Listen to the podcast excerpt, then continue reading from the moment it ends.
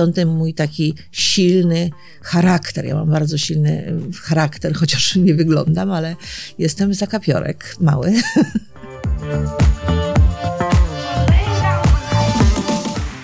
My, sportowcy, mamy w sobie zakodowaną taką siłę. Mhm. My wychodzimy po to, żeby wygrać. W ogóle nie wchodzi w grę przegrana. I co? Ja nie dam rady?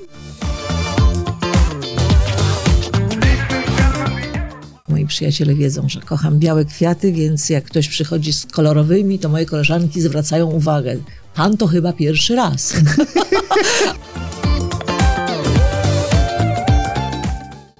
Dziękuję Ci bardzo, że słuchasz mojego podcastu.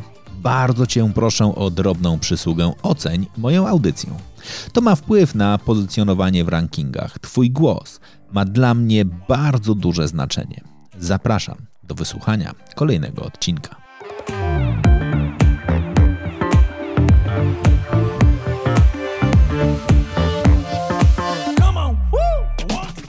Herra on Air.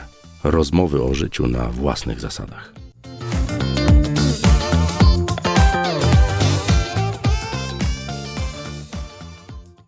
Mówi się, że w zdrowym ciele zdrowy duch.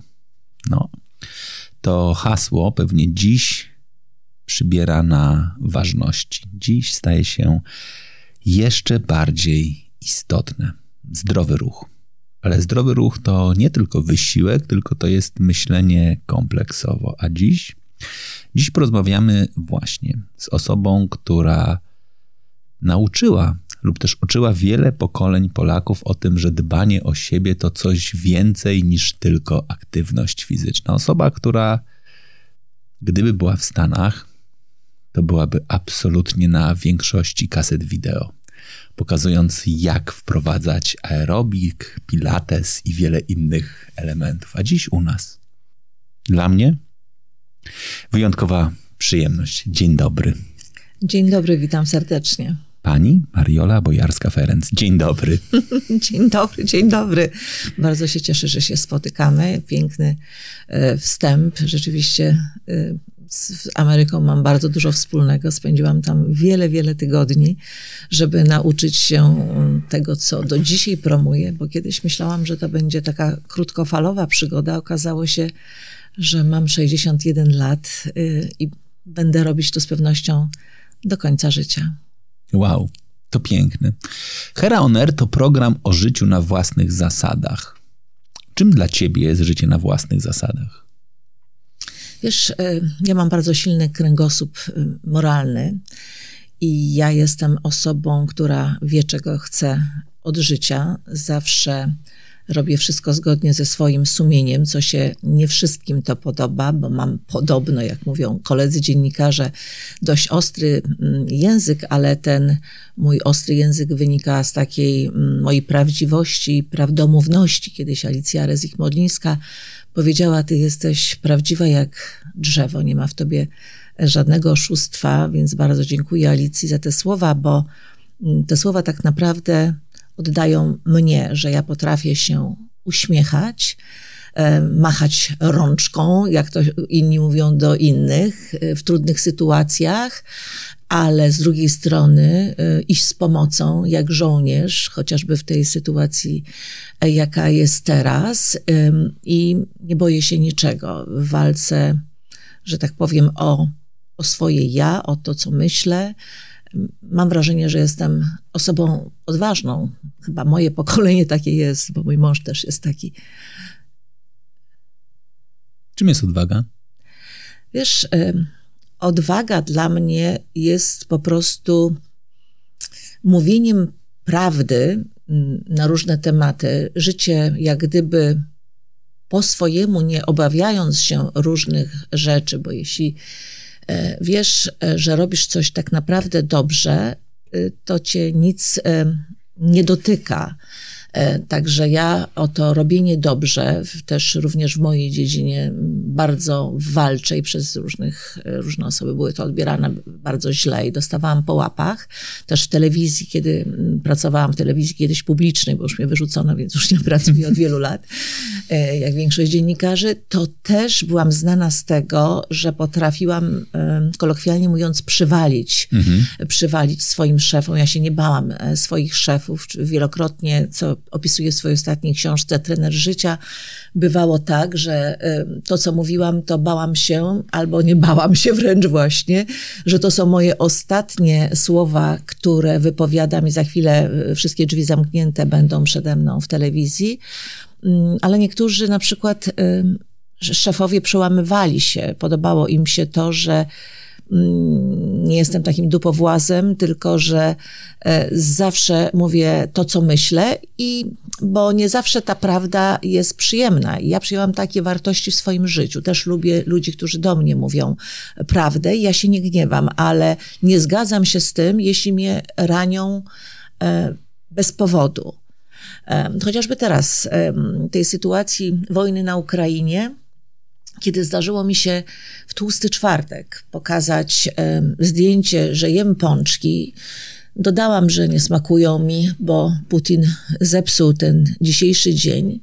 Jednak mimo wszystko ludzie atakowali, że jak ja śmiałam z uśmiechem zjeść pączka. Nie udało mi się wytłumaczyć, że życie toczy się dalej i wszyscy musimy żyć normalnie, pracować e, normalnie, że jedni idą do sklepu i sprzedają właśnie te pączki, inni pracują w telewizji, inni w szpitalach i tak dalej. Moja praca to, to jest akurat w tej chwili, ponieważ tak jak już powiedziałam, straciłam tą pracę w telewizji, to jest praca na moim Instagramie. Ale kiedy? E, pokazałam e, akcję, do której bardzo szybko się włączyłam i wczoraj właśnie, y, dzisiaj jestem trochę zmęczona, e, chociaż szczęśliwie zmęczona, bo wczoraj do późnych godzin nocnych pakowaliśmy z mężem zakupione środki medyczne dla Ukrainy. Kiedy poprosiłam ludzi, żeby dołączyli się, żeby te środki przynieśli do Pałacu Młodzieży, bo tam na szóstym piętrze mieści się sala baletowa, mhm. gdzie wspólnie z koleżankami tą akcję właśnie robimy, to to była cisza. To była cisza. To były trzy, cztery komentarze. Nikt nic oczywiście nie przyniósł do tej pory. Ja mam nadzieję, że jeszcze się zreflektują i przyniosą. Więc mam wrażenie, że jest taka niesprawiedliwość. Dlatego doszłam do, do wniosku, że ja robię swoje, bo ja chcę mieć czyste sumienie. E, e, robię też za swoje pieniądze, żeby była mhm. jasność, nie za cudze, więc nie, nie podsyłam linków na swoim Instagramie, tylko przeznaczyłam e, wszystkie pieniądze, które zarobiłam w ciągu ostatnich dwóch miesięcy z tytułu różnych reklam właśnie na pomoc Ukrainie. Organizujemy też życie dla 30 Ukraińców z mężem, bo ich żony współpracują, no, przepraszam, ich mężowie współpracują z nami, e, a e, żony będzie w pewnym momencie trzeba e, przewieźć tutaj i muszą rozpocząć nowe życie. Także ja jestem taką osobą, która szczerze mówiąc, pierwszy raz tak pokazałam na Instagramie, że ja coś robię, bo troszkę się wkurzyłam na ludzi, bo ja zawsze działam bez, bez nazwiska. E, I nigdy, mimo że zrobiłam w życiu mnóstwo akcji dla domów dziecka, dla poszczególnych osób, które, które mam wrażenie, że w pewnym sensie uratowaliśmy im życie, to ja nigdy, ani mój mąż o tym nie mówimy, bo uważamy, że że pomoc, niesienie pomocy, to ma wynikać z serca, a nie dzień dobry ogłaszamy, że daliśmy batony jakiej firmy, czy nie wiem, cokolwiek i, i dzień dobry, jak ja wspieram Ukrainę, bo wysłałam tyle i tyle tysiące. Ludzie, no po prostu to nie o to w tym rzecz chodzi. Ja kiedyś miałam taką sytuację w Poznaniu bardzo wiele lat temu, kiedy jedna kobieta, niosąc pomarańcze do domu dziecka, zawołała telewizję, żeby pokazać, jak ona pomaga tym biednym dzieciom. No po prostu tak mnie to zbrzydziło, mhm. że do dzisiaj mam takie poczucie, że ta pomoc musi być niesiona z serca, ale zrobiłam to e, wczoraj celowo, ponieważ e, chciałam trochę utrzeć e, nosa tym ludziom, którzy tak naprawdę nic nie robią, tylko grasują i, fake, i robią jakieś takie no, niefajne tutaj, e, chcą wrażenie, czy postawić w sytuacjach takich ludzi jak ja, którzy gdzieś tam mają ten żal w sercu, ale na tym Instagramie chcą też normalnie żyć, pokazywać nowe życie, bo też wszyscy potrzebujemy trochę siły, uśmiechu. E, w tej tych tragediach, które ostatnio zdarzyły się, prawda, bo myślę tu i o COVID-zie, gdzie dwa lata z tym żyjemy i ludzie są wykończeni. No a ja przecież to, co powiedziałaś na początku, ja właśnie jestem od tego life balansu, więc chcę dawać ludziom życie, chcę dawać ludziom uśmiech, więc się uśmiecham, pewnie umrę z, z uśmiechem na ustach, bo ja właśnie jestem taką osobą, która, która się ciągle uśmiecha, która się ciągle uśmiecha. No mam wrażenie, że staram się być życzliwa do ludzi. Jakiś czas temu napisałem tekst na ten temat, który nawiązuje do absolutnie fundamentalnej zasady pomocy. Ta fundamentalna zasada pomocy jest oparta o przykład samolotu. Jak wsiadamy do samolotu, zawsze na początku stewardesy podają bardzo konkretny komunikat. Jeżeli ciśnienie w samolocie spadnie, wypadną maski tlenowe, pasażerowie podróżujący z dziećmi zakładają maskę najpierw sobie, dopiero później dzieciom. I ta kolejność jest szalenie istotna. Najpierw zadbaj o siebie, później pomagaj innym. Bo jak założysz maskę dziecku i ty stracisz przytomność, to nic z tego nie będzie.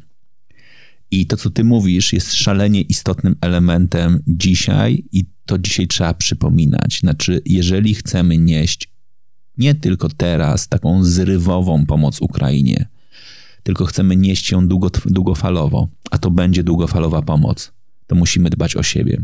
Często przypominam, to nie jest sprint, to jest maraton. Znaczy, nie możemy dzisiaj się zerwać i powiedzieć, wykończymy się na pierwszych metrach i sobie nawzajem będziemy podcinali nogi, tylko musimy zadbać o, jak ktoś biega maratony, to wie o punkty żywieniowe, o to, żeby biec swoim tempem i przede wszystkim pomagać sobie nawzajem, a nie podcinać skrzydła tylko dlatego, że ktoś zjadł pączka. No właśnie, ktoś zjadł pączka, bo za chwileczkę też y, no, osoby medialne będą musiały, normal, te, które żyją, no, podobnie jak ja, z Instagrama, prawda, więc będą wypuszczały reklamy. No, po to robię te wszystkie rzeczy, zarabiam, żeby mieć żeby szansę, móc żeby móc pomóc, żeby mhm. móc się dzielić, bo jak nie będę nic miała, nie będę zarabiała tych pieniędzy, no to nie będę miała się czym dzielić. Na dzisiaj dałam naprawdę to, to co mogłam dać, bym powiedziała, oddałam wszystko to, co to, co miałam. Mhm. E, I, ale no, ta, ta pomoc, to co powiedziałaś, to nie będzie taka, oby, oby to trwało miesiąc, oby to trwało tydzień, oby to trwało jeden dzień i żebyśmy zapomnieli o tej wojnie, ale mamy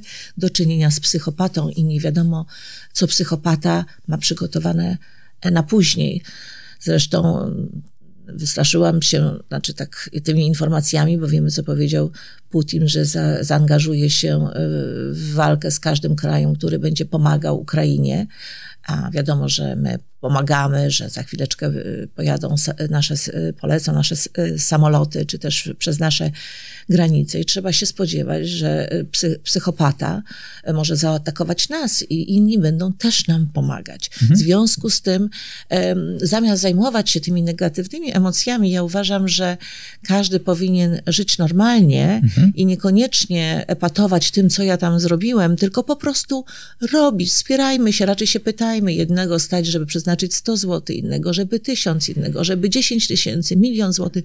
Dawajmy tyle, ile możemy, ale naprawdę, drodzy koledzy z mediów, nie, pokazaj, nie pokazujmy tylko linków i tych biednych dzieci na, na swoich Instagramach, e, to jest przytłaczające. Mhm. Naprawdę, jak dzisiaj przejrzałam Instagramy, to płakać mi się zachciało, gdzie w, w kółko ten sam chłopczyk, który, który pożegnał się z tatą, który E, idzie na wojnie, jest pokazywane, a raczej pokazujmy, co robimy i mobilizujmy sąsiadów, kolegów, znajomych, żeby te małe rzeczy po prostu e, robić. No to, to tyle chciałam powiedzieć odnośnie tej sytuacji, która jest, ale ja mam sobie ten, wiesz, wracając do mnie, to ja mam właśnie w, ten sobie, w sobie ten life balance, że właśnie tego uczyłam i uczę w swoich książkach, w swoich programach, spotkaniach, wykładach, które robię też dla Henryki Bochniarz, dla kobiet y, biznesu regularnie, że ten life balance jest potrzebny, bo jeśli człowiek jest wewnętrznie szczęśliwy, y, na różnych płaszczyznach,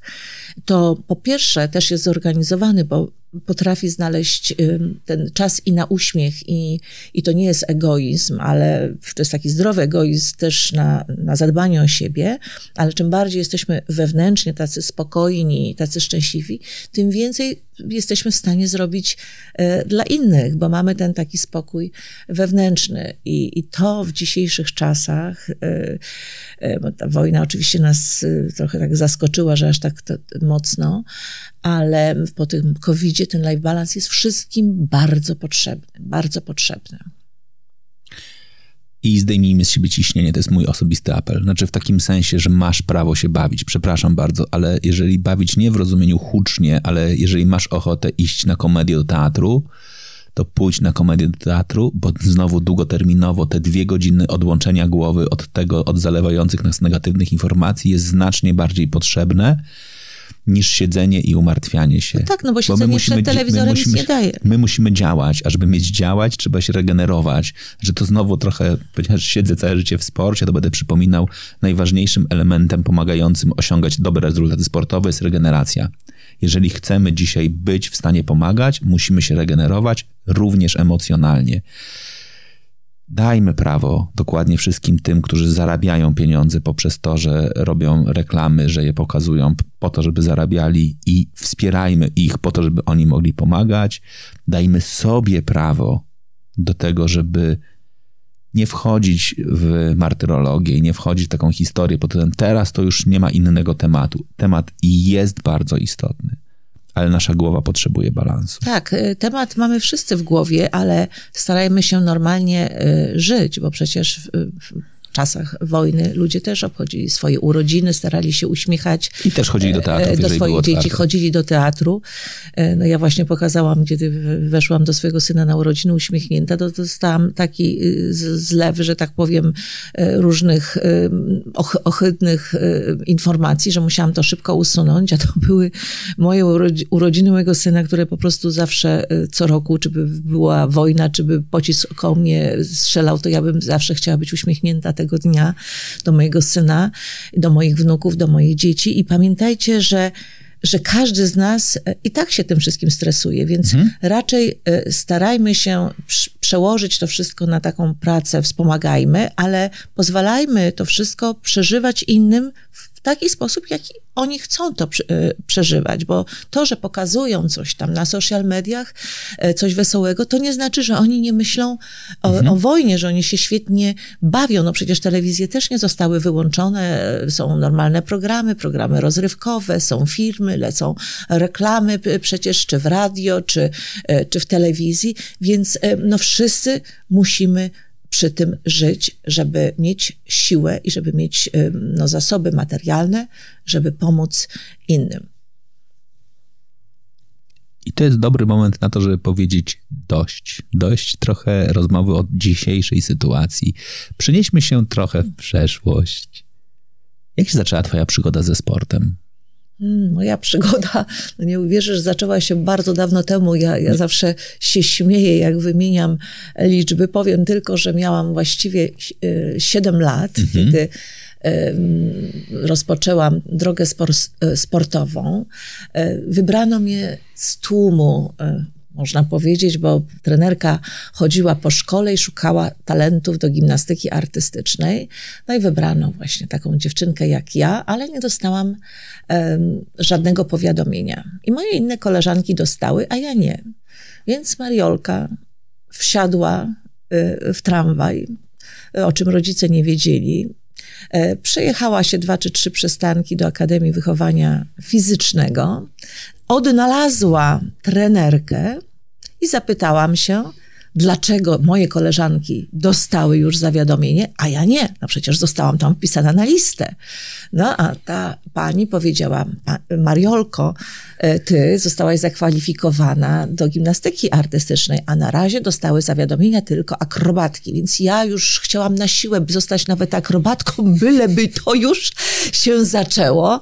E, no ale spokojnie wyczekałam ten moment i na szczęście miałam rację, że, że wyczekałam. No i tak zostałam e, w tu w grupie 100 dziewczyn, które mm, zostały właśnie wybrane do tej dyscypliny sportu. E, no, byłam zawodniczką kadry narodowej, więc mogę powiedzieć, że większość swojego czasu spędzałam w sali gimnastycznej, więc była tylko szkoła i sala gimnastyczna. E, wychował mnie tak naprawdę sport, no, mhm. bo, no bo mama nie miała kiedy, bo mama tylko była skupiona ewentualnie na odrabianiu lekcji. Zresztą moja mama akurat w tym czasie była po bardzo ciężkim wypadku e, samochodowym. Ja miałam też e, młodszą siostrę o 4 lata, którą musiałam się zająć, więc ona miała wtedy 3 chyba lata, jak ja miałam 7. I wszystko było na mojej głowie, więc ja właściwie w jednej chwili stałam się taką dorosłą kobietką, która musiała tatę uspokajać, bo mama leżała ponad pół roku w szpitalu, potem jeździła trzy lata na wózku i nikt nie dawał jej praktycznie e, szansy e, wstania z tego wózka inwalidzkiego. Jednak chyba tą siłę mam właśnie teraz po mamie, tak jak sobie myślę, bo mama najpierw e, poprosiła dwie kule i starała się sama sobie robić rehabilitację, oprócz tej, którą miała gwarantowaną. Potem odrzuciła kulę i na jednej y, kuli zaczęła skakać trochę jak zając. A potem odrzuciła tą kulę i zaczęła chodzić. I to dla mnie była taka siła, ten obraz mojej matki. Y, ja do tej pory mam zawsze łzy w oczach, jak o tym y, mówię, bo właściwie to dopiero od roku o tym mówię, bo gdzieś to tak we mnie było, że nigdy tak naprawdę medialnie o tym nie mówiłam. Napisałam w swojej książce i raz udzieliłam takiego wywiadu, bo już taki moment chyba, że człowiek musi się trochę tak y, oczyścić. Y, rodzice już nie żyją. No i no niestety brała tyle proszków przeciwbólowych, że potem zmarła na raka. Także ja właściwie radziłam sobie ze wszystkim sama. Właściwie ja przyjemności robiłam rodzicom, żeby mieli w domu e, się czym cieszyć, więc te wszystkie zawody, te wszystkie treningi, moje pokazy, to w sumie były dla nich. I, i bardzo wcześnie stałam się niezależną dziewczyną, kobietą, bo już e, w czasach studenckich założyłam właśnie swój fitness klub, ściągnęłam Jane Fondy e, wówczas kasetę. Zobaczyłam, że to jest prościzna, no bo przecież ja całe życie nic innego nie robię, tylko właściwie to była taka rozgrzewka, te, te, te ćwiczenia Jane Fondy. No i okazało się, że to był absolutny hit, także ja jako studentka no, zarabiałam jakieś y, straszne y, pieniądze, które przynosiłam w worku plastikowym, no bo nie było czegoś takiego jak firma. I te pieniądze pozwalały mi na zabezpieczenie mojej rodziny, to bo ja miałam 20 lat, jak urodziłam dziecko, więc studiowałam i równocześnie miałam malutkie dziecko, więc żeby mieć panią, która się opiekowała w tym czasie dzieckiem, żebym mogła spokojnie E, swoje studia e, skończyć. No, a potem odnalazłam amerykańskie organizacje, bo doszłam do wniosku, że to, co ja umiem, to jest w ogóle nic w stosunku do tego, co robi świat. No i jestem uczestniczką już 40 kongresów amerykańskich, światowych. Należy do największych takich organizacji, które zajmują się zdrowiem, fitnessem, więc spędziłam tam wiem, z 60-80 tygodni w Ameryce, ale też w Szwajcarii, Szwecji, Francji. Wykładałam też e, w Paryżu na temat polskiego rynku wellness e, spa i, i to takie fajne jest, jeśli mogę dalej pociągnąć ten temat, że kiedy przyjeżdżałam na te kongresy mm, i potem już zaczęłam swoją pracę e, w telewizji i przywoziłam tu do Polski tych amerykańskich, najlepszych fitnessmenów, bym powiedziała, e, też czarnoskórych, to, to było tak niesamowite, że jak ja później wracałam na kolejny kongres, to moi koledzy z Ameryki, tam Szwajcarii mówili, królowa z Polski przyjechała, zobaczcie, możecie wszyscy do niej przyjechać. No bo każdy tak to na początku się bał, że taki malutki kraj, a może nie zapłaci, a może gdzieś będziemy pracować w jakichś strasznych warunkach. A ja was bardzo chciałam, żeby zderzyć sport ze sztuką, mhm. bo to jest dru druga taka moja pasja. I wynajmowałam takie pałace pod różnymi tam miastami, Poznaniem i tak dalej. Piękne miejsca i w tych pałacach nagrywałam, więc oni byli zachwyceni. Mówią, u nas to tylko Celine Dion wynajmuje takie pałace, a ty nas takie piękne miejsca przywozisz. Więc to była piękna, niezwykła przygoda mojego życia i praca. To jest piękne. Że to jest piękne, to o tym mówisz z taką lekkością i trochę No trochę takim jakby, to było takie naturalne. Jako studentka założyłam klub fitness. Skąd wziął się pomysł? Moja koleżanka Zofia Bielczy, która była mhm. starszą ode mnie, studentką, bo ona chyba kończyła wtedy, pisała pracę magisterską, płotkarka. Właściwie, znaczy teraz dla tych, którzy nie wiedzą, studiowałaś na AWF-ie. Tak, studiowałam na AWF-ie i ona była chyba na czwartym roku pisała pracę magisterską i mówi: Słuchaj, jesteś gimnastyczką, może zrobimy to razem. Ja się douczę i stworzymy coś niezwykłego e, w tym kraju. I przyszłyśmy e, z tym projektem e, do redakcji sportowej telewizji. Wówczas Włodek Szaranowicz i Darek mhm. Szpakowski myślał, że to, to takie dziewczynki w śpiochach, no bo takie stroje to były to trochę tak śpiochy, takie różowe rajtuski, getry do tego i trochę z przymrużeniem oka nas potraktowano. E, no ale już powoli zaczął się ten um, trend rozwijać. Jak kobiety usłyszały w telewizji, że coś takiego jest, no to my miałyśmy taki ogrom klientek, że miałyśmy listę społeczną na wiele miesięcy, bo 100 osób przychodziło dziennie, a ja mogłam pracować dopiero po zajęciach, więc te zajęcia zaczynały się od 17 do 20. No trzy godziny miałam siłę, no bo jeszcze przecież na uczelni to jest mnóstwo zajęć sportowych, więc trochę byłam wykończona i dodam, że miałam malutkie e, dziecko, tak? Musiałam też mieć siłę, żeby po powrocie przynajmniej trochę się nim zająć. No i to się bardzo rozrosło, ale potem kiedy kończyłam studia, dostałam możliwość pracy właśnie w redakcji sportowej telewizji i zostawiłam e, Zosi ten biznes, który ona kontynu kontynuowała przez lata, a ja już zajęłam się promocją tej formy ruchu w telewizji. Mówiąc o tej formie ruchu, jak by się dzisiaj nazwała? Dzisiaj absolutnie work-life balance, ta forma ruchu jest jak gdyby takim małym elementem, takim centymetrem w tym metrze work-life balansu, ponieważ na work-life balance składa się bardzo dużo rzeczy, y, ale jest niezwykle potrzebnym elementem, bo dzisiaj zgodnie wszyscy lekarze, bo jak ja zaczynałam, to troszkę myślano o fitnessie jak o takim trochę widzimisię. Ach, ćwiczymy, żeby mieć ładną sylwetkę, żeby się fajnie poczuć, spotkać towarzysko. Dzisiaj absolutnie wszyscy lekarze na całym świecie podkreślają, że ruch jest nie tylko mm, prewencją wielu dolegliwości, ale jest również używany w leczeniu różnych chorób. I ja właśnie jestem ambasadorem na przykład Stowarzyszenia Rak Misja, mhm. gdzie również wykładam w Polsce na temat ruchu w kontekście wspomagania leczenia e, chorób nowotworowych. E, wykładam również w kontekście chorób związanych z kośćmi, a więc osteoporozą, czyli wzmocnieniem kości. No i w, w różnych innych e, schorzeniach, na przykład serce. I ja do ruchu po trosz, troszkę po, podchodzę inaczej niż wielu trenerów w Polsce, którzy robią wyzwaniach, schudniemy przed wakacjami, zmieścimy się w kostiumy czy różne takie rzeczy.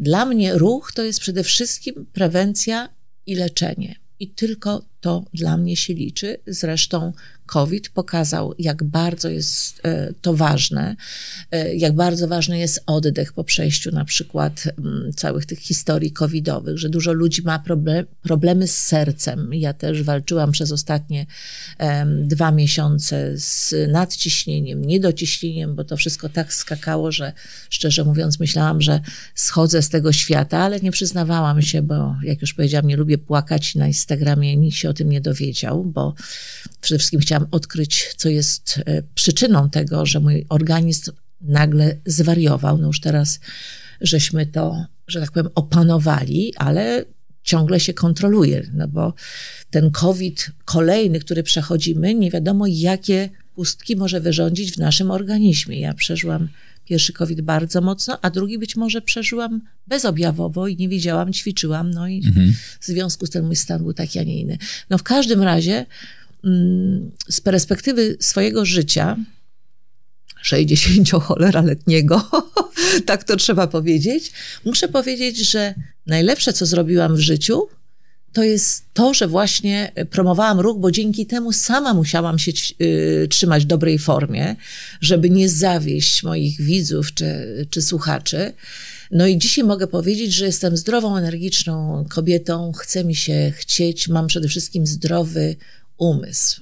Ja po prostu nie stresuję się bzdurami. Ja, mnie interesują rzeczy ważne, wyłącznie. Ja potrafię się bawić, zadbać o przyjaciół, o, o zabawę, bo to jest właśnie life balance, czyli znalezienie czasu i na zabawę, i za, za, y, zainwestowanie w swoje zdrowie, i być takim, taką osobą, która ciągle się rozwija w swojej dziedzinie. No wiesz, ja ciągle przez cały czas ew, ewoluuję w swojej dziedzinie, prawda? Także chociażby y, wejście w tak zwany temat medyczny, który jest niezwykle istotny. No kiedyś, jak stałam na takim wykładzie przed profesorami, onkologami, to muszę powiedzieć, że trochę miałam stres. Myślę sobie, co ja taka dziewczyna od zdrowia, ale właściwie związanego z ruchem, czy ja mogę ich czymś zaskoczyć, czy, czy to takich ludzi zainteresuje, którzy mają tak niezwykłą wiedzę. Ale okazało się, że to, co ja wiem, dla mnie się wydaje takie naturalne i oczywiste, a dla ludzi nie wiem, to jest genialne. I teraz przez cały czas jeżdżę na wszystkie mm, kongresy, spotykam się no, z ludźmi y, z całej Polski, ale też czasami ze świata. To jest, to jest niesamowite uczucie, bo ja mam takie poczucie, że ja w tej dziedzinie, co mogłam, to zrobiłam ale nie mówię stop, bo jak się skończy COVID, znowu do Ameryki się wybieram na kolejny kongres do Los Angeles, tylko że no teraz wiadomo, trochę to jest wszystko ograniczone i głównie y, wykłady są przez internet. To ładne.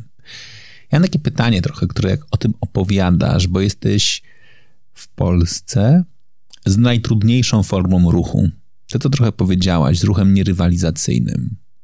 My, jako Polacy, umiemy w ruch, który jest w jakimś celu jak porównujemy, jestem trochę zaangażowany w taki sport, jak na przykład golf, to w golfie mamy bardzo charakterystyczne zachowania. Polacy uwielbiają grać w turniejach, ale przyjście na pole tak po prostu, żeby sobie spotkać się z, przyjemno- z, przyjaciółmi i pograć po prostu, już nie sprawia tak dużo przyjemności. Chyba, że przychodzimy po to, żeby trenować pod turniej i to jest znowu ten etap mm-hmm. przygotowawczy. COVID pokazał niestety, że jak zostały wycięte imprezy biegowe, czyli okazało się, że nie ma takiego momentu, w którym odbywają się biegi uliczne, nie wiem, 10 kilometrów, półmaraton, maraton, czyli nie ma możliwości rywalizacji i startu, to dużo osób przestało trenować, w sensie przestało biegać dla siebie, bo okazało się, że oni chętnie codziennie, czy tam kilka razy w tygodniu biegali, ale z tyłu głowy było to, że się przygotowuję do wyścigu, w którym się spotkam, a nie robię tego sam dla siebie. A ty mówisz o ruchu, który ma być absolutnie ruchem, nazwijmy to funkcjonalnym, który ma być ruchem, który jest skierowany do wewnątrz, który jest nierywalizacyjny. Jak do tego nas przekonać? Wiesz, to każdy musi znaleźć swoją drogę, bo każda droga jest dobra, która będzie prowadziła do tego, że w końcu coś zrobimy dla siebie. Dla jednych to może być zrzucenie pary, paru kilogramów, dla e, innych po prostu taka chęć zadbania e, o siebie, ale tak naprawdę takie krótkotrwałe rzeczy to nic nie robią. Ja zawsze powtarzam, że ta systematyczność w tym ruchu jest e, najważniejsza. I jeśli zdacie sobie sprawę, że właściwie w waszych rękach jest wasze zdrowie i popatrzycie na taką dojrzałą kobietkę jak ja, która zrobiła to rzeczywiście przez 50 lat, ja jestem ponad w sali gimnastycznej i odpukać, nie mam żadnych e, chorób, po prostu żadnych chorób. Ja mam taką energię, że młodzież ciągle mi się pyta, skąd to się bierze, czy ja jakoś ładuję specjalnie akumulatory, co ja takiego, czy może biorę coś, że mnie tak y, roznosi, a to dał mi tak naprawdę ruch, bo to pomaga mi y, w mojej psychice, koncentracji, uczeniu się, w chęci w ogóle bycia wszędzie, tu i teraz. To, no trochę jestem wariatką, muszę powiedzieć, no ale to mi dał ruch, więc skąd ta energia? Właśnie z ruchu. I nie ma takiej jednej e, metody. No musicie to odnaleźć tak naprawdę w sobie. Ja na przykład, kiedy trochę znudziłam się tym e, ruchem fitnessowym, to żeby nie zostać w domu, znalazłam sobie po prostu formę ćwiczeń, która była dla mnie jeszcze nie do końca odkryta. Myślę tutaj o balecie klasycznym. I chodzę teraz regularnie na zajęcia mm, baletu klasycznego. Naprawdę? Tak, uczę Wow. się chodzić w puentach. Ale piękne. Tańczyć w puentach. Muzyka klasyczna, która mnie uspokaja. Biorę lekcje zarówno prywatne, indywidualne, jak i jestem w grupie, bo w grupie są same dziewczyny. Wyobraź sobie, które mają 18, 20 lat, są to studentki, więc ja jestem od nich dwa albo trzy razy y, starsza. I to jest takie fajne na sali, kiedy one lecą z tym drążkiem i mówią królowo, drążek już stoi, bo mam nawet swoje miejsce. Już powiedziałam, że oznaczą drążek, że to jest mój drążek. Jak mnie nie ma, to zawsze śmieją się Mary bez ciebie, bo Mary na mnie mówią wszyscy znajomi. Mary bez ciebie to zajęć nie. Ja zawsze jakiś żart gdzieś włączę między tymi ćwiczeniami, żeby było wesoło, żeby to nie było takie poważne. No i daje nam w taka prawdziwa nauczycielka baletu. Czasami przychodzą mężczyźni, baletmistrze z Teatru Wielkiego i to jest dla mnie niezwykła radość. Ja nawet na e, swoich, e, swoim Instagramie pokazuję takie filmiki, mm, włączam też piękną muzykę, ja kocham Pavarottiego, więc i do niej tam skaczę, tańczę razem e, z tymi baletmistrzami i to jest choreografami i to jest cudne. I ja po takich dwóch godzinach, jak przychodzę do domu, bo zwykle to zaczyna się o 20, 20.30, więc około 23 wracam do domu, to jestem padnięta jak pies Pluto, grzecznie się kąpię i idę spać. I mój mąż zawsze mówi, podziwiam cię Mhm. za tą wytrwałość, bo jeszcze nie widziałam, żebyś jakiekolwiek zajęcia od dwóch lat opuściła. Przez cały czas śnieg, nie śnieg, deszcz, nie deszcz. Czy jesteśmy po jakiejś imprezie, jakimś wielkim wyjściu. Ja nawet odmawiam tego dnia wszystkie wyjścia, bo mówię, sorry, ja mogę być tylko do 18, bo 20 mam balet. Także, no, kocham balet. Pozdrawiam młody balet polski. To przepiękne, znaczy, bo to jest absolutna definicja tego, że nigdy nie jest za późno na to, żeby zrobić coś pierwszy raz. Znaczy, trzeba mieć sporo odwagi, żeby będąc na poziomie mistrzowskim w jednej dyscyplinie, nagle powiedzieć sobie, dobra, trudno, to jest dla mnie niewystarczające, zacznę coś od samego początku, no właśnie, i będę słaby. Jak ty radzisz sobie w takiej sytuacji, w której przychodzisz i no, jeszcze wczoraj byłaś mistrzynią w gimnastyce, mistrzynią w fitnessie, po czym przychodzisz i wchodzisz na salę banetową, w której obiektywnie, jakkolwiek twoje ciało nie jest przygotowane, technicznie jesteś mizerna, no. Skąd wiesz? Właśnie muszę cię zaskoczyć. Jestem bardzo dobra, ale zaraz ci powiem dlaczego. Ponieważ w ramach gimnastyki artystycznej ja miałam przez lata zajęcia choreografii, klasyki, tylko że bez puent oczywiście, e, z rosyjskim choreografem Wiktorem Harczenko. Wow. I moje zajęcia zaczynały się od godzinnej lekcji choreografii z Wiktorem, gdzie musiałam kręcić piruety e, na parkiecie, gdzie zrywała się skóra, e, bo stworzyły się pęcherze z krwią, potem to się zrywało, więc stąd ten mój taki silny charakter. Ja mam bardzo silny charakter, chociaż nie wyglądam, ale jestem zakapiorek mały. albo duży już teraz. Także moje koleżanki zawsze mówią, że lepiej się z tobą nie kłócić, bo jestem zakapiorek.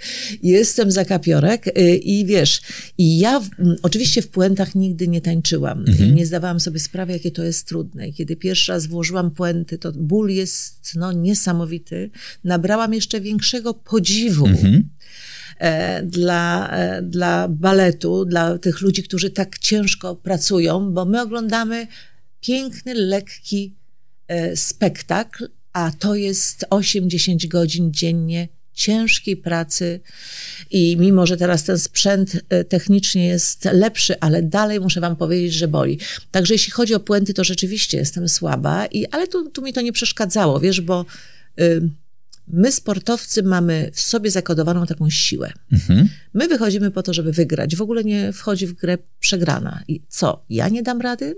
To już teraz mi nie pozwalają, bo po tych moich ekscesach z ciśnieniem, bo do tej pory było co? Ja nie dam rady i pierwsza skakałam, najwięcej skakałam. Szpagat, proszę bardzo, babcia Mary, szpagat.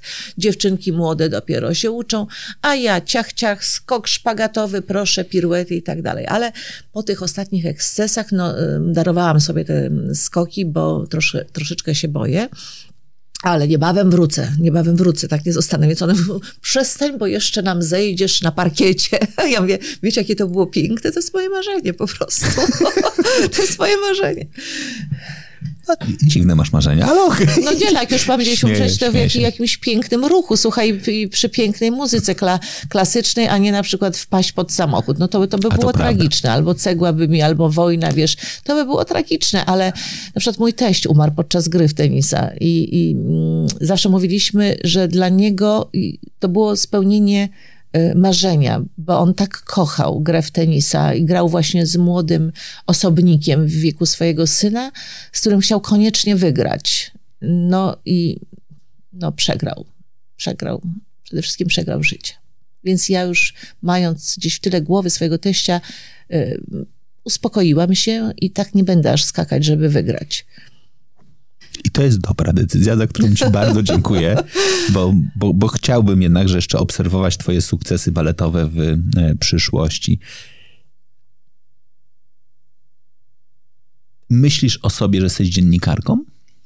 No, oczywiście, że tak. Ja zrobiłam 3000 wywiadów. Mhm w swoim życiu z lekarzami, z profesorami praktycznie wszystkich dziedzin, ze wszystkimi znanymi ludźmi, myślę w tym kraju, myślę o aktorach mhm. i to takich naprawdę dobrych e, aktorach. Robiłam przez lata swój program Sztuka mhm. Życia właśnie z gwiazdami. Napisałam 10 e, książek.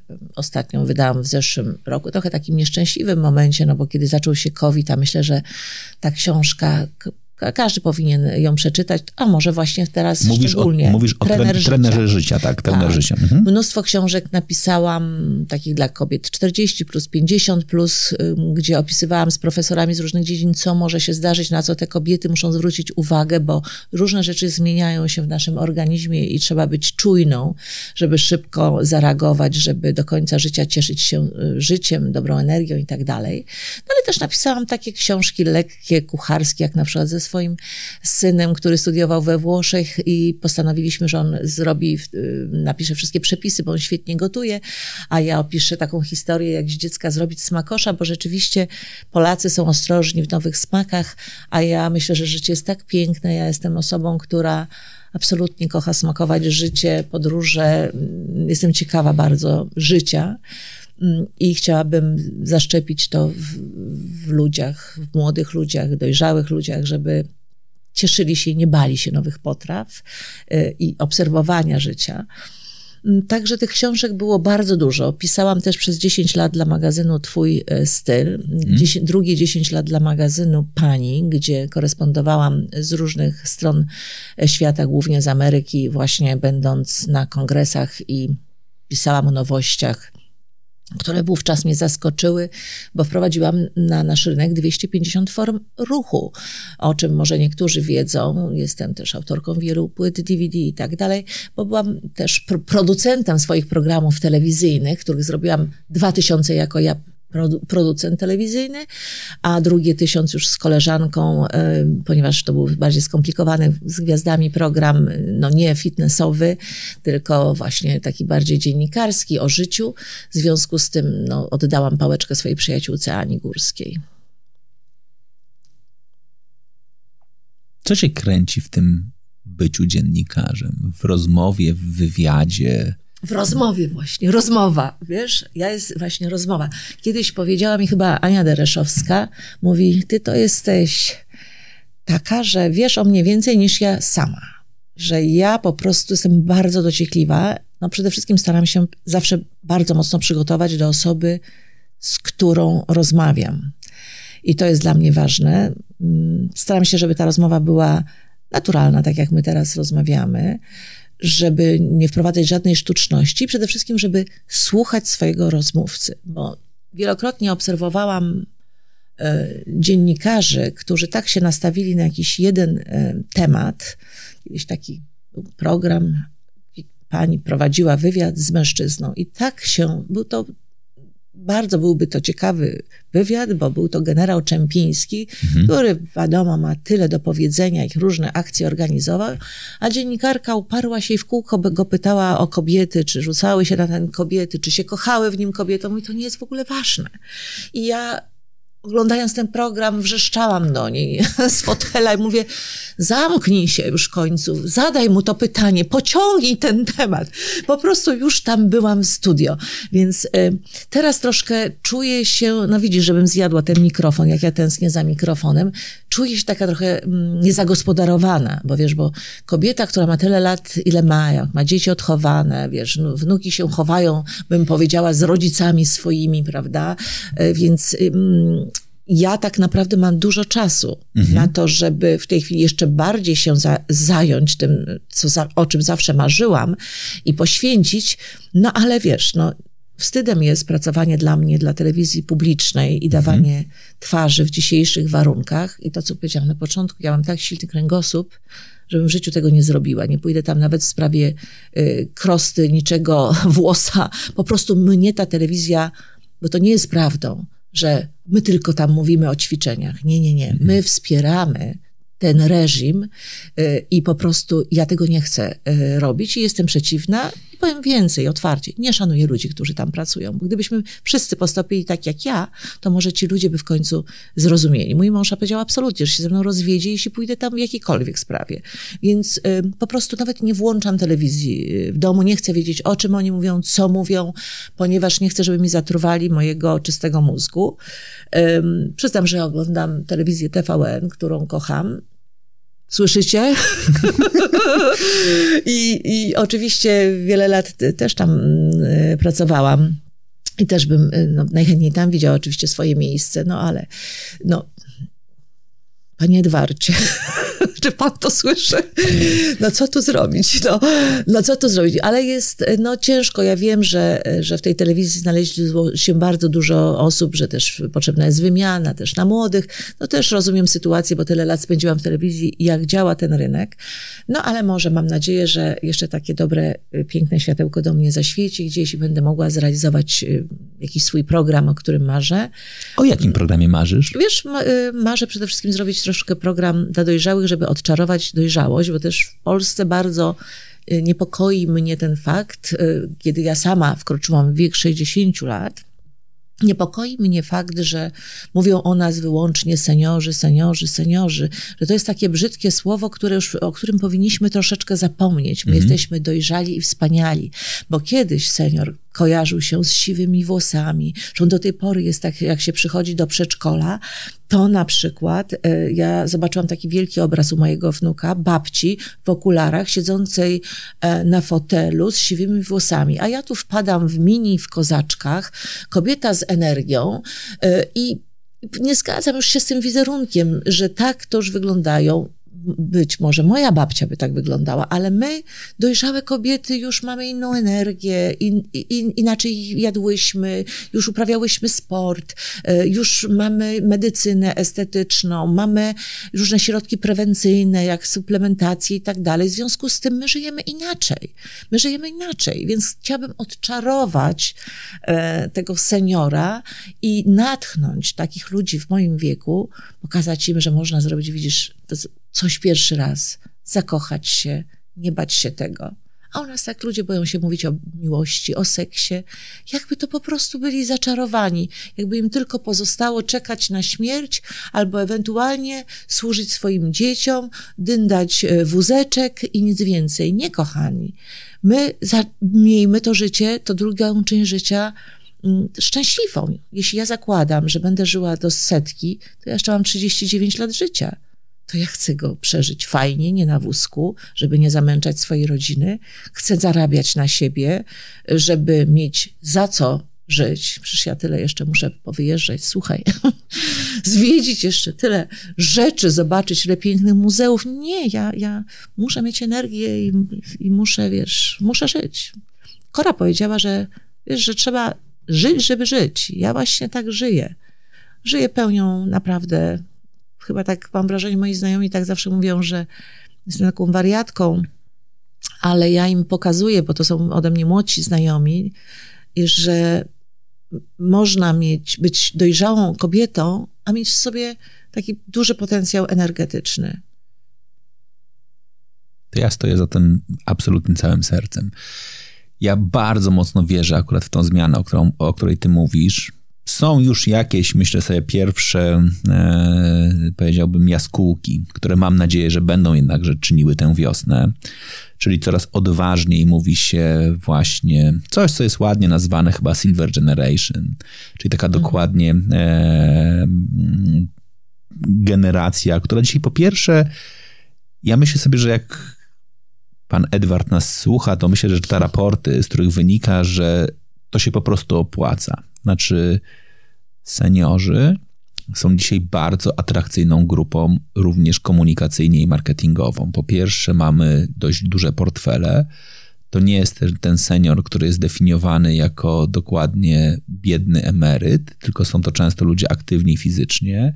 Po drugie, jest bardzo ładny raport a propos w ogóle, ja wiem, że to jeszcze nie dotyczy samego e, tego pokolenia, ale on pokazuje, jak bardzo nieadekwatnym do dzisiejszego świata jest serial 40-latek. Tam została zrobiona cała analiza, że chociażby nawet słowa piosenki, tak, 40 lat minęło, tralalala, pokazują, że to w ogóle nie jest dziś zdefiniowane, te, te myślenie o tym. I ta granica wieku, po którym myślę sobie, że już mogę odpu odpuścić, przesuwa się i właściwie coraz więcej danych pokazuje, że w ogóle nie ma takiego wieku. No znaczy, dokładnie. Znaczy, że jedyna rzecz, która powoduje to, to nie jest wiek, tylko to jest właśnie utrata sprawności. I po tej drugiej stronie są te osoby takie jak ty, które mówią: Dobra, to skoro to nie jest kwestia bariery wieku, bo to nie jest pytanie o to, czy wiek emerytalny jest w wieku 63, 65, 67 czy 70, czy będziemy to przesuwać, same przejście na emeryturę niewiele zmienia. Zmienia nasza głowa, która zmienia się z perspektywy i jeszcze mogę. Bo to, co wierzę w to, że jest bardzo, bardzo, bardzo charakterystyczną cechą Silver Generation, to jest takie myślenie, już nie muszę, ja nie muszę udowadniać, ja nie muszę robić na pokaz, ja nie muszę, ja nie muszę, ale co najważniejsze, jeszcze mogę. I jak ty myślisz o tym programie, to ten program w ogóle powinien się nazywać Jeszcze Mogę. Znaczy on powinien dokładnie no, być, tak. być absolutnie o tym, że on powinien pokazywać, że e, młody duchem to jest nie tylko duch, ale faktycznie młody tak. duchem i w formie. Mogę więcej po prostu. Mogę więcej, bo tak naprawdę wiek to nie metryka, wiek jest w nas, mhm. E, czego ja staram się być e, przykładem, że energia nie opuszcza i, mhm. i można właśnie pierwszy raz pójść na balet, można wybrać się y, do jakiegoś kraju, pozwiedzać, można zacząć uprawiać jakąś formę ruchu, y, można poznać kogoś, zakochać się, spędzać fajnie czas. Także, kochani, jeśli tutaj dosłuchają mnie dojrzałe osoby, myślmy o sobie pozytywnie i starajmy się podkręcać jeden drugiego, żebyśmy mogli przeżywać tą, ten drugi, y, tą drugą część y, naszego życia fajnie po prostu. I co jest bardzo ważne, bo też często mówi się o takim e, paradoksie, który się nazywa druga młodość. Nie, ja wierzę, że to powinna być młoda dojrzałość. Znaczy, to powinna być taka jakby element, którym w ogóle nie chodzi o to, żebyśmy drugi raz wracali do tego, Oczywiście, do, do, do tego tak. w cudzysłowie dzieciństwa, tylko żebyśmy po prostu wyrażali siebie w sposób świadomy, dojrzały, dawali sobie prawo do tego, żeby robić rzeczy po raz pierwszy i to realizować. Ja bardzo bym chciał, żeby ten program powstał. Ja też. Jestem za. Nie, bo to, bo to ważne, znaczy, bo w ogóle ten temat jakby jest, jest bardzo, bardzo, bardzo ważny. Ja też wierzę w trochę w to, że my jednakże mamy taki świat, jak go kreujemy. Ja na przykład mam, jestem bardzo mocno przywiązany do tego, że chociażby reklamy kształtują rzeczywistość, bo one trochę stygmatyzują. One albo powielają stereotypy, albo je łamią. To, co ty powiedziałaś, że jeżeli wizerunek nawet w podręczniku szkolnym jest babci, która jest dokładnie starowinką, prawie że z chustą na, e, na głowie, to powiedzmy sobie szczerze, to nie jest, to, nie jest powszechny obraz e, babci. Babcią jest ta osoba, która ma wnuki. Koniec ale ona nie musi wyglądać tak jak. Ale oczywiście, tak, że tak. tak Także nie bójmy się, nie bójmy się zakładać mini, bo to nie chodzi o to, żebyśmy udawały, że jesteśmy młodsze od y, młodszych od nas osób. Ja na przykład bardzo się cieszę, kiedy wokół siebie mam młode dziewczyny, y, młodsze ode mnie, na przykład 10 lat młodsze. One mnie inspirują, ja je podglądam. Też staram się wyglądać tak jak one, ale już nie staram się wyglądać jak dziewczyna dwudziestoletnia. Nie mhm. będę chodziła z brzuchem odkrytym, bo uważam, że każdy powinien powinien zakrywać tę część ciała, która już nie wygląda apetycznie dobrze, ale odkrywać to, co mamy najlepsze. Ale dlaczego mamy być okute w worki jakieś e, e, długie sukienki? Dlaczego mamy ścinać włosy? Bo ktoś powiedział kiedyś, że dojrzała kobieta powinna mieć krótkie włosy. Jest to totalna bzdura. Dopasowujmy swój strój, wygląd do tego, co robimy w życiu, czyli do, naszy, do swojego zawodu, do okoliczności, w jakich y, się znajdujemy, do swojego temperamentu. Po prostu nie bójmy się, nie bójmy się eksperymentować. Jaka jesteś w domu? Hmm, raz kotka, raz tygrysica. E, kotka, jak coś chce. Generalnie jestem bardzo przede wszystkim zorganizowaną osobą. Tego nauczył mnie oczywiście sport. Jestem bardzo dokładna. Moja rodzinka twierdzi, że powinnam zabrać Małgosi Rozenek ten program Idealna Pani w domu, bo dokładnie zachowuje się tak jak ona z tą białą rękawiczką. E, to oczywiście przesadzają, ale no bardzo lubię porządek i y, na przykład wychodzi pani, już skończyła sprzątać, a ja potem uruchamiam sobie odkurzaczyk, jeszcze sobie latam, ale nie dlatego, żeby komuś zrobić na złość, tylko po prostu jak coś zauważę, to jeszcze, jeszcze musi to wszystko błyszczeć. Uwielbiam zawsze, jak są kwiaty, cięte kwiaty, nie takie doniczkowe, tylko cięte kwiaty, najlepiej białe. Moi przyjaciele wiedzą, że kocham białe kwiaty, więc jak ktoś przychodzi z kolorowymi, to moje koleżanki zwracają uwagę. Pan to chyba pierwszy raz. a, a, kolega się pyta, a dlaczego? No nie widzi pan, jakie tu kwiaty. Więc następnym razem pan się poprawił. to jest dana osoba, nie będę mówiła, ale było to Piękne. Ale to była tak śmieszna sytuacja, jak naprostowały moje przyjaciółki jednego pana w moim domu. Także e, kocham gotować. E, myślę, że jestem w ogóle bardzo dobrą, e, tutaj się muszę pochwalić, bo Polacy nie lubią się chwalić, ale ja się lubię chwalić, słuchajcie, i się pochwalę, że jestem bardzo dobrą panią w domu, mhm. panią domu, że jak ktokolwiek przychodzi, to na maksa jest u mnie ugoszczony. U, uwielbiam wydawać kolacje, kiedyś robiłam to nawet co tydzień, więc mhm. miałam kolejkę znajomych, którzy dzwonili, my już dawno nie byliśmy, my już dawno nie byliśmy, a ponieważ mam nieduży stół, bo tylko na osiem osób, osób, więc wiadomo, że tylko... Czyli zapisy muszą być faktycznie. Tak, trzy pary mogłam tylko zaprosić. Ale robię też duże przyjęcia, gdzie nawet zapraszam 40 osób i wtedy wszystko robimy sami. Y, pomaga nam też oczywiście, no pani, no bo to nie jest tak, że tam wszystko kroję, ale wszystkim zarządzam. Wszystko jest według moich przepisów. Sama też stoję w kuchni y, y, i sprzątam po prostu, także nie boję się tego. W nocy potrafię sprzątać, wiesz, kieliszki myć, szorować do trzeciej, czwartej, włączam sobie Pavarotiego i zasuwam, a mój e, mąż się budzi rano, mówi, och, jak pięknie, że ci się chciało. a ja lubię już rano e, śniadanie jeść w czystych warunkach, więc jak, jak, że tak powiem, zabalujemy, no to, to już rano nie widać, e, nie ma śladu po tym. Ale też jestem ostra, znaczy jestem bardzo wymagająca, jeśli chodzi o dzieci. Y, dla mnie zawsze było bardzo ważne, żeby moi synowie, bo mam dwóch synów, y, byli tak wychowani, mm, jak ja bym sobie wyobrażała, żeby mój mężczyzna y, był wychowany czy stworzony. Więc mam wrażenie, że te kobiety są zadowolone z tych facetów. Czyli no, muszą zrozumieć kobietę, muszą wyprzedzać ich myśli. Mm, ja zawsze mówię, że rodzi, znaczy spotykamy się zupełnie z różnych rodzin, prawda? Mamy różne przyzwyczajenie. Jeśli nie zapytasz swojej kobiety, co lubisz, no chociażby te białe kwiaty, jeśli nie zapytasz swojej żony czy narzeczonej, jakie kwiaty lubi, to będziesz kupować jej czerwone, żółte, tam jakieś kropki, a a ona lubi konkretny kolor, więc zapytaj się, żeby sprawić jej przyjemność i rób jej tą przyjemność. Jak lubi zapach firmy X, to po co jej kupować na siłę Y, gdzie ona powie, och, jakie piękne z grzeczności, a potem odda koleżance. Więc y, chodzi o to, żebyśmy umieli sobie sprawić y, tą przyjemność. No na pewno mm, rodzina u nas taką jest podstawą y, w tym domu. Ja jestem ze swoim małżonkiem już 34 lata, a 31 w tym roku minie po, po ślubie. To jest moje drugie małżeństwo. Pierwsze trwało studenckie krótko. Mamy wspólnego, fantastycznego syna, którego właściwie wychowywał mój, mój mąż, bo od siódmego mhm. roku życia e, e, mój mąż, także bardzo są związani wszyscy. Drugi syn jest młodszy, 29 lat. No i nauczyliśmy ich tych takiej miłości do siebie, no bo takie dzieci z rodzin patchworkowych muszą nauczyć się, że są jednością, żeby jeden za drugiego, krótko mówiąc, no, wskoczył w ogień. E, więc mam wrażenie, że u nas tak jest. Bardzo są pomocni, co pokazało no w covid gdzie dzieciaki naprawdę codziennie dyżurowali i każdy nam tam na wycieraczkę podrzucał e, jedzenie, więc to była organizacja pełna dla nas. E, po cichu płakali, bo bali się, bo byliśmy jedną z pierwszych, powiedzmy, rodzin mhm. wśród znajomych, która zachorowała jeszcze przed szczepionką pierwszą, więc no, nie wiadomo było, mm, czy uda nam się przeżyć przede wszystkim.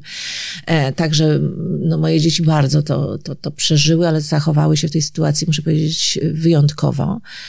No, ale ja jestem w stosunku do nich bardzo wymagająca. To znaczy, ja nie pomagam im y, w załatwianiu tak zwanych męskich rzeczy. Kiedy mój pierwszy syn kończył studia y, i powiedział: Mamo, ty wszystkich znasz w tym kraju może byś mi coś załat załatwiła, jakąś pracę. To powiedziałam, nie synu, właśnie dlatego, że wszystkich znam, nigdy ci nic nie załatwię, ponieważ zobaczysz, jak smakuje sukces, jak sobie wszystko sam załatwisz. I dzisiaj mówię o nim z dumą, bo jest jednym z, z czołówki e, e-commerce, e-marketingowców w Polsce, jest dyrektorem jednej z sieci handlowych który po prostu no jest dumny i mówi, mamo, ja ci myślałam, że zabiję wtedy, kiedy mi tak powiedziałaś, bo nie stać mnie było na fryzjera, a ja byłam twarda, ryczałam, ale nie dałam mu ani grosza. Mówię, walcz, kiedyś będziesz musiał walczyć o swoją rodzinę, dzieci, więc go trochę zostawiłam. Y, I jak zobaczyłam, tak jak dzisiaj, że, że chłopak wyrósł mi tak cudnie, no to oczywiście z przyjemnością robię mu fajne prezenty, mm. bo mówię, to jest już taki moment, że można mu dawać, bo on, on wie, jak zdobywać. Y, drugi jest troszkę y, młodszy, jest dopiero na takiej drodze biznesowej, ale bardzo pracowity i mam wrażenie, o, zobaczymy, co z niego będzie. Na razie mam wrażenie, że idzie w dobrym kierunku. No, bardzo jest pracowity i bardzo muszę powiedzieć, że jest też tak e, empatyczny mm, jak my, bo Ostatnie dwa dni ze swoimi kumplami również spędzili, wożąc paczki, jedzenie, e, ciuchy, zbierając e, po domach różne rzeczy, co ja bardzo cenię w młodych ludziach, że są tacy zaangażowani.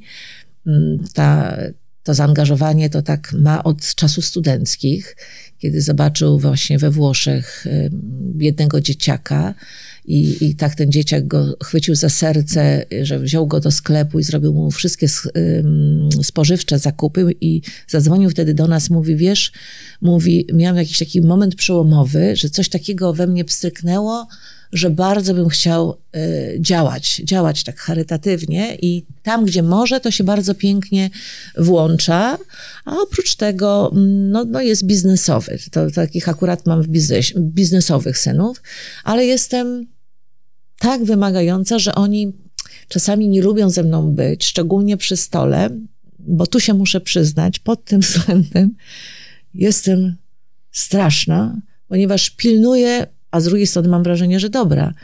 Pilnuje bardzo rzeczy związanych z tak zwanym savoir-vivre. Ponieważ sama jestem uczulona na mężczyzn, którzy mają wszystko, ale kultury brak. Mają pieniądze, ale kultury brak nic nie wiedzą o świecie, tak zwany small talking nie istnieje, bo y, nudzą wyłącznie o własnej pracy, a nie można porozmawiać o niczym, o filmie, o, o, o sztuce, o polityce, bo tylko jest ile zarobiłem, zrobiłem, a tu, a tu, a tam. To jest po prostu jakaś katastrofa. Jak zaczyna się jedzenie, to już w ogóle jest katastrofa do kwadratu i to wielokrotnie y, obserwowałam gdzieś tam na zewnątrz i wzięłam sobie za ambicję, że że przecież nie, nigdy nie wiadomo, gdzie znajdziemy się, w jakichś sytuacjach, że ten savoir-vivre jest niezwykle potrzebny. I muszę powiedzieć, że mój syn y, młodszy został wystawiony na taką próbę jako student, ponieważ y, był zaprzyjaźniony z kolegą z bardzo takiej elitarnej angielskiej rodziny i został zaproszony na działkę. Działka pod Londynem okazała się trzystuwiecznym pałacem gdzie zaczęło się od polowania na lisa, od, więc oczywiście musiał przejść szybko przyspieszoną y, jazdę Konną. konną. Więc no po prostu y, wskoczył tam i pomyślałam sobie, Boże, dzwoniłam do niego, żeby tylko nie odebrał w trakcie kolacji tego telefonu. Nie odebrał. Sobie no to, to już dobrze. Nie odebrał telefonu.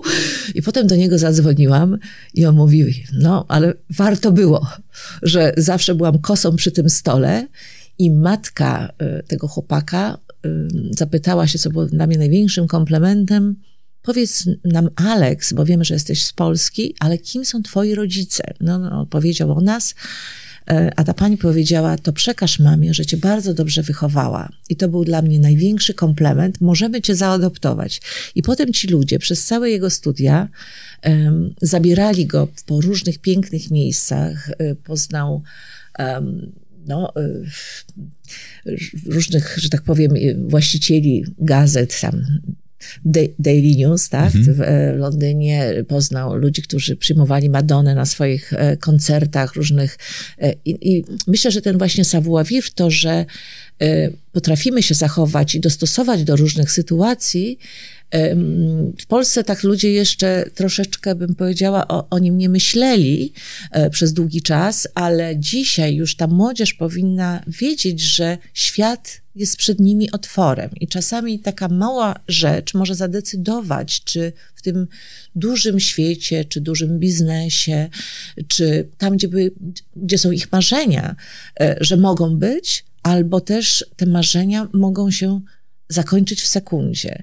Więc e, czy, dlatego po, o tym piszę w swojej książce Trener Życia, że warto przez różne dziedziny jak gdyby przejść, rozwijać się na różnych płaszczyznach i savoir-vivre, i uczyć się języków, i uczyć się kontaktu e, z ludźmi, i być po prostu miłym, i ładnie się ubierać schludnie, bo to nie chodzi o to, żebyśmy byli przebrani w marki jak manekiny z wystawy, chodzi o to, żebyśmy byli czyści, schludni, zadbani, no przede wszystkim uśmiechnięci. Z czego jesteś dumna? Z czego jestem dumna? No chyba ze swoich synów najbardziej, wiesz. Widzisz, jak o nich mówię? Jakby, jakby, to tego, prawda, jakby tego posłuchali, to może by mi jeszcze bardziej kochali, nie? Ale jestem chyba najbardziej dumna ze swoich y, synów i y, czasami mam do siebie taki może żal, że, że tak za bardzo trochę ich ściskałam y, mocno i, i, i czasami byli oni na mnie wkurzeni, że, że byłam taka e, ostra w takich różnych sytuacjach, ale mm, ja uważałam, że jedyną metodą jest ciągle powtarzanie i rozmowa, rozmowa, rozmowa, rozmowa. Jak widzisz, ja lubię rozmawiać, więc u nas rozmowy toczą się na różne tematy. Ja rozmawiałam zawsze, mimo że to byli synowie, z dziećmi o wszystkim i o seksie, i o zabezpieczeniach. I, y, bo to był przyszedł taki moment, że trzeba było porozmawiać, że wiadomo, że chłopak za chwilę będzie wchodził w to życie i lepiej, żeby się zabezpieczał, y, niż po prostu niepotrzebnie y, po prostu no, musiał układać sobie życie tak, jakby nie chciał, prawda? I rozmawialiśmy i o pracy, i o życiu, więc te, te, ja mam takie wrażenie, że jak siadamy do stołu, to jesteśmy jak taka, czasami zapominamy, że jesteśmy y, rodziną, y, gadamy po prostu o wszystkim.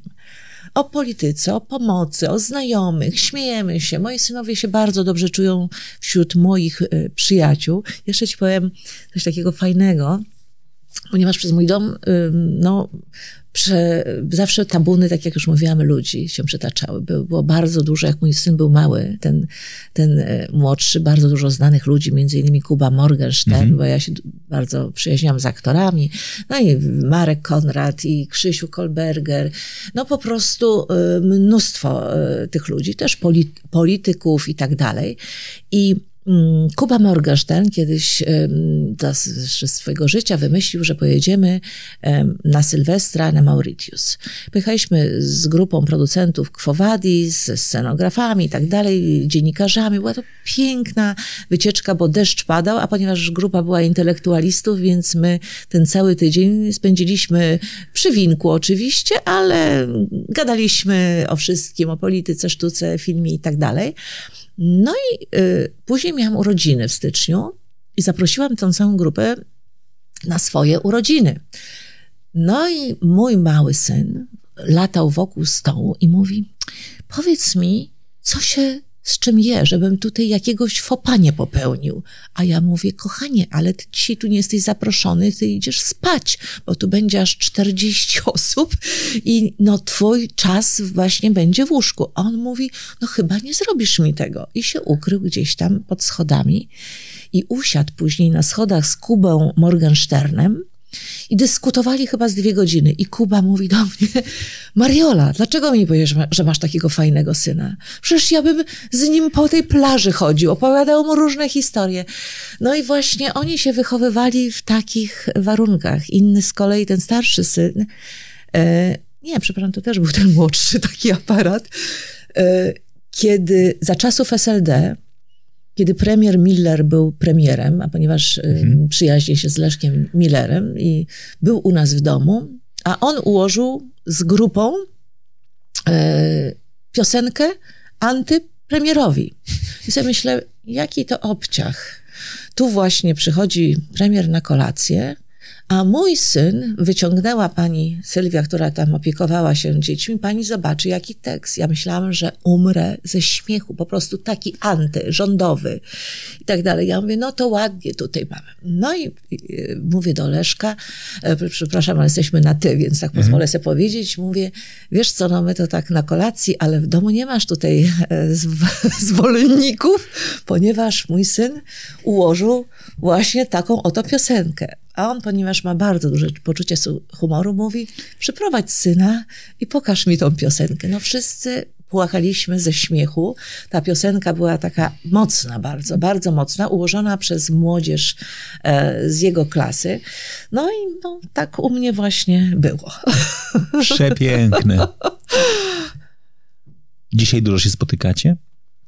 Tak, przez cały czas spotykam się raz z jednymi, raz z drugimi, bo czasami ze względu na COVID, ponieważ się urodziło nowe dziecko e, mojemu starszemu synowi, więc oni się obawiają tego młodszego, który no, łazęguje jednak jeszcze na, na różne party, że, żeby, żeby, żeby nie zarazić tego malutkiego dziecka.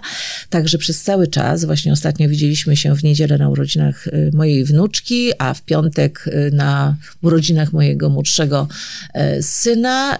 No pewnie jutro przyjedzie syn, ponieważ w sprawach technicznych nam pomaga, wyjeżdżamy do Dubaju, więc tam jakieś aplikacje różne chce nam wgrać, żebyśmy się czuli na różnych poziomach bezpiecznie, zamówić nam restaurację, bo on kocha jeść, więc on jest taki nasz concierge, zawsze nam robi trasę i my już jak przyjeżdżamy to na gotowe, już wiemy gdzie, co mamy jeść nawet dania nam wymyśla, musicie spróbować tego, tamtego i tak dalej, także no słuchaj, jest to mm, cudowne, e, fajne. Y, jeśli chodzi o wnuki, no to wiesz, no też staram się jako ta babcia nowoczesna zrobić z nimi coś innego niż inni dziadkowie, więc y, ostatnio byłam z nimi na przykład w Zachęcie na y, wystawie japońskiej, awangarda japońska, która się bardzo podobała i znalazłam sposób na dzieci w muzeum, mianowicie zawsze zabieram im zeszyty i kredki. I mm, kiedyś jak moja wnuczka była jeszcze młodsza, nie potrafiła pisać, mm, no to wymyślałam tak, że ona rysuje obraz, który jej się podoba, a chłopczyk, ponieważ wnuk już potrafi pisać, to miał zapisywać nazwiska twórców, które mu się podobają. O dziwo trafiał w tych samych co ja, co mi się podobało na przykład w Muzeum Narodowym. No a teraz już obydwoje potrafią pisać i obydwoje rysowali. Bardzo mi się tam podobały te obrazy, które były piękne, kolorowe, trochę rzeźby takiej, więc byli zaciekawieni zaciekawieni bardzo. No i w nagrodę poszliśmy na super ciacho, oczywiście. Wyposażyłam ich w to, co mamusia nie pozwala, czyli w cukierki.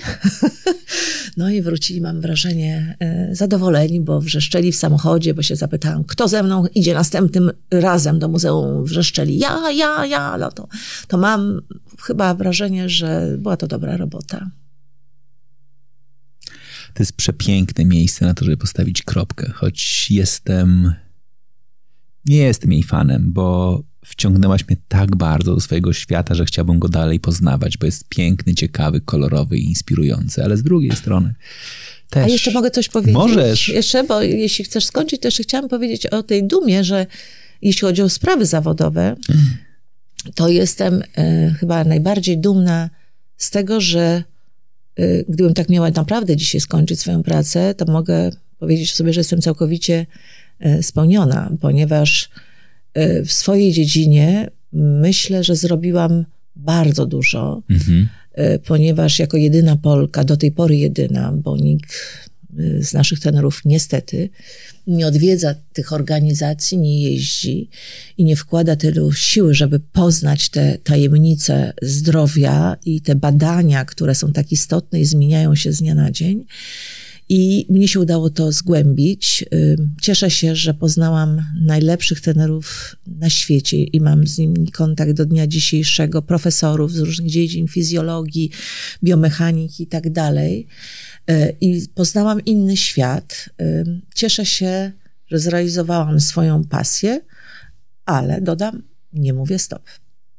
Nie mów, nie mów. Znaczy, ja jestem pierwszy, który będzie krzyczał: Nie mów stop. Ja, tak jak powiedziałem, marzę o tym, żeby Cię poznawać dalej, ale przede wszystkim marzę o tym, żeby z tym zaangażowaniem, które masz w sobie, z tą energią, którą masz w sobie, żebyś dalej nie tylko opowiadała, ale działała. Dziękuję bardzo. Bo moim zdaniem już piękne rzeczy. A z drugiej strony, jak sobie pomyślałem jeszcze o tym, co powiedziałaś o ewentualnym programie, panie Edwardzie, przypominam, to jednakże ja myślę sobie, że jest jeszcze jeden temat, a mianowicie temat nowoczesnego dziadka i babci. W takim ty powiedziałaś o bardzo ważnej rzeczy. Powiedziałaś o rzeczy, o której moim zdaniem my bardzo często zapominamy dziadkowie są po coś innego niż rodzice. Zawsze byli, a dzisiaj moim zdaniem trochę o tym zapominamy. I to nie chodzi o to, że dziadek jest od tego, żeby rozpieszczał, czy też babcia jest od tego, żeby rozpieszczać. Nie, żeby pokazywać inny świat lub też z innej perspektywy, bo ta perspektywa w naturalny sposób jest inna. Mamy inną cierpliwość, mamy inne priorytety, mamy wszystko inne. I myślę sobie, że to jest w ogóle ładny temat do też dyskusji. No, piękny to jest temat, wiesz, do dyskusji, bo wcześniej, tak ma, mam takie wrażenie, że trochę dziadków wykorzystano trochę jak pani do dziecka, czyli mhm. Y, wychodzą dzieci, a dziadek zostaje czy babcia i w tym czasie zajmuje się dzieckiem. Oczywiście, że czasami okazjonalnie można to zrobić, ale mam wrażenie, że mamy tyle do pokazania, na co mhm. rodzice nie mają cierpliwości, albo też czasami wiedzy, bo nie wszyscy mhm.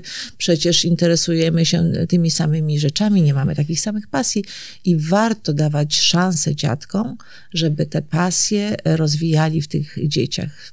Mhm. To jest piękne. Znaczy, to, ja ładnie bym tego nie ujął. Znaczy, kulturowo, czy też finansowo być może, wprowadziliśmy dziadków w rolę, która jest nie fair.